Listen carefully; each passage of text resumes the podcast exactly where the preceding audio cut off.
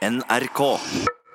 Er det likestilling og reality-TV som gjelder i Kulturnytt eh, i dag, eh, Ugo Fermarello? Det er stikkordene. Når det gjelder reality-TV, så tar vår anmelder fatt på en ny bok som blir lansert i dag av en deltaker i noe som ble sett på som noe av det drøyeste sendt på TV. Ex on the beach. Og så er det noe av det drøyeste holdninger som visstnok fortsatt fins, som dette. Kvinner kan ikke lukeparkere.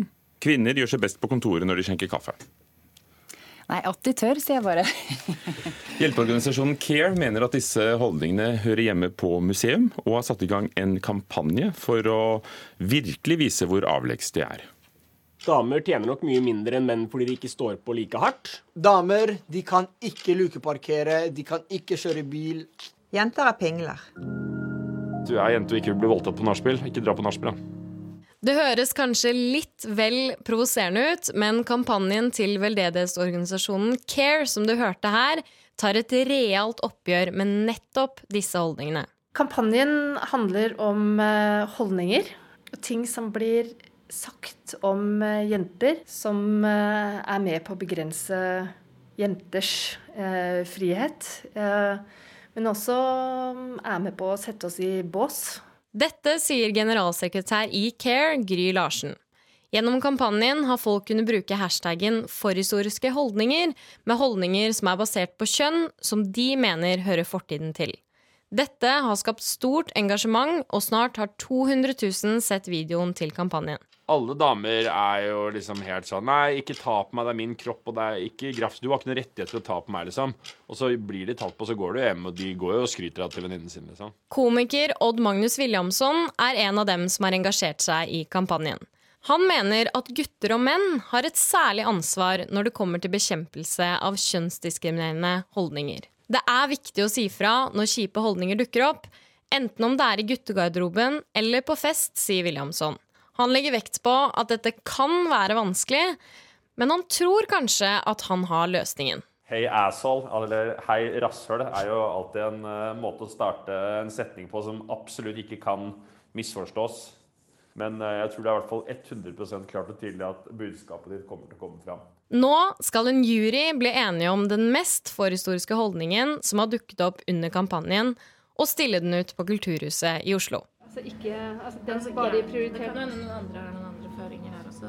På en kafé i Oslo sitter journalist i Agenda Magasin Madeleine Schultz.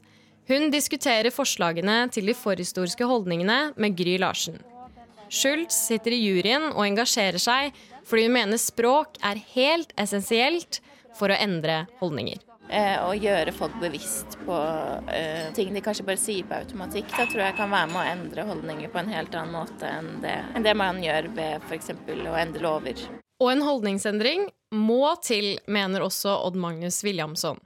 Da det vil være en investering i fremtiden. Alle gutter blir fedre en dag, og halvparten av de fedrene får eh, døtre. Og da skal døtrene deres gjennomgå veldig mye av det samme tingene som, som de kanskje er vitne til nå, da. Nei, dette høres ut som et helt jeg, jeg, jeg, sier dette ordet med skam i ansiktet. Men, og jeg må nesten si det med sørlandsdialekt, for at man skal skjønne både humoren og alvoret i det.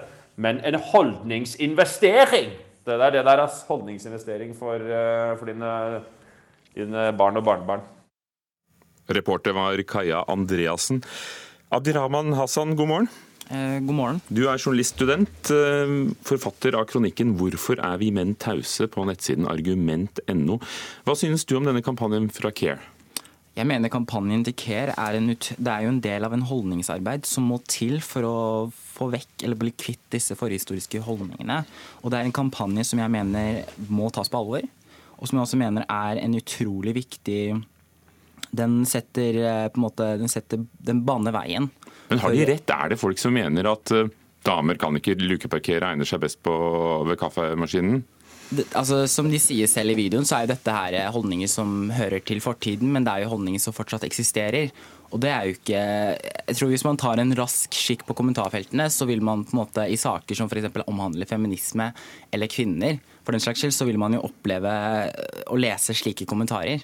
Hva fikk deg til å skrive kronikken 'Hvorfor er vi menn tause', hvor du nettopp tar opp menns holdninger i metoo-saker publisert nå i høst?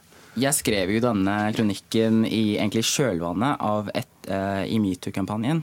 Og da skrev jeg den fordi jeg mente at jeg etterlyste flere mannlige stemmer i, denne viktige debatten. Uh, for det var jo stort sett uh, på en måte kvinner som tok eh, ordet, og det, jo, det, er jo på sin plass. Eh, men jeg på en måte følte at mennene trengte også på å komme på banen og snakke mer om disse, proble disse problemene. Og jeg skrev jo det som på en måte fordi jeg så enkeltindivider som undergravde metoo-kampanjen og som mente at det å synliggjøre ikke var den rette veien å gå. Og, og på en måte var veldig kritiske til denne fremgangsmåten. Og det mente jeg var veldig sånn, en form for bagatellisering, rett og slett. Du lanserer også en teori som svar på hvorfor mange menn og gutter er tause. Mm -hmm. Bro-code. Mm -hmm. Hvorfor? Ja, altså Det er jo ikke til å legge skjul på at eh, bro-code er eh, noe som eh, er veldig vanlig i en del guttegjenger. Man setter det fremfor eh, individets trygghet og respekt. Man setter det fremfor alt. og Det mener jeg er jo på en måte, det er jo en teori som jeg mener man må gå bort ifra. Hva ligger i begrepet brocode? Det er jo rett og slett at man skal støtte ens eh, komp altså kompisen sin, eller på en måte være en bror, da. Eh, og, ja, det er jo litt sånn Det er jo en amerikansk begrep, men jeg tok likevel den i bruk fordi jeg mener at den også eksisterer i Norge. Du er 21 år gammel selv. Eh, opplever du at dette metoo, likestilling, er eh, noe unge er opptatt av? Jeg opplever at dette er noe som eh, veldig mange unge er bevisste og veldig opptatt av. Man kan jo bl.a. se på årets 8. mars. Det var, jo, det var utrolig mange unge mennesker. Og jeg ser jo også på en måte en, en holdningsendring blant veldig mange av mine venner også, som på en måte tidligere ikke definerte seg selv som feminister, og som på en måte nå også definerer seg selv som feminister etter å på en måte eh, sett på, etter å ha vært veldig på en måte, vært oppdatert på metoo-kampanjen f.eks. En ny form for brocode? Det er en ny form for... Uh, Care, som vi hørte om, som lanserer denne likestillingskampanjen, inviterer folk til å, å nominere hvilke holdninger som er mest forhistoriske. Hva ville du foreslått selv? Eh, som student så er jo dette, den avkoloniseringsdebatten er jo vært noe av det som jeg har vært eh, veldig oppdatert på. Eh, og det at man ønsker, etterlyser flere mangfoldige forfattere eller for, måte, akademikere på pensum, og særlig kvinner også. Så det når jeg bl.a. får høre at eh, oi, det er tross alt bare menn, eh, det er, jo, det er jo ikke rart at det kun er menn som er på pensum, det er jo kun menn som på en måte har stått for de største akademiske oppfinnelsene. og da mener jeg at en, Det er en slik holdning som vi egentlig kan gå bort ifra. Det finnes like gode, viktige kvinnelige pionerer innenfor akademi, akademiet. Og de mener jeg fortjener sin plass. Og det mener jeg er en, eh, den der holdningen om at menn har stort sett gjort det bra i historien, er en, på en, en sånn holdning vi burde gå bort ifra, rett og slett. Takk skal du ha, journaliststudent og forfatter av kronikken 'Hvorfor er vi menn tause?' Abdi Rahman Hasan. Tusen takk.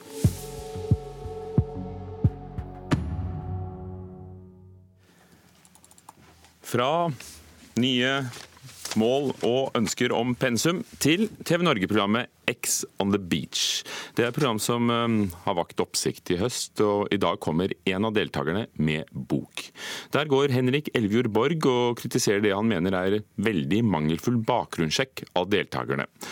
Han sier selv, for det gjelder ham selv òg, at han har en bipolar lidelse, og at han aldri burde fått være med i programmet. Det er veldig lite omfattende. Det er en veldig kort samtale.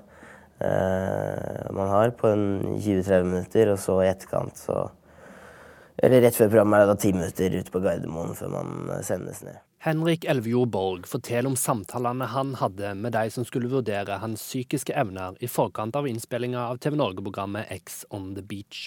I programmet blir norske ungdommer plassert på et hotell på Mauritius sammen med tidligere flammer, og med tilgang til store mengder alkohol.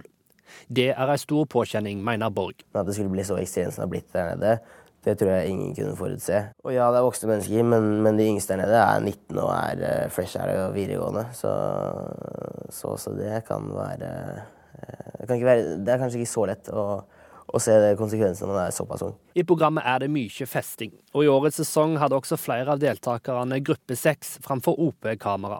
Hanne McBride i Discovery, som eier TV Norge, nekter for at de legger opp til sex eller utøving av vold, men sier samtidig at det å skape drama er en del av pakken. Ja, premisset for serien eh, er at det blir en dramaturgi inni dette huset. Ja.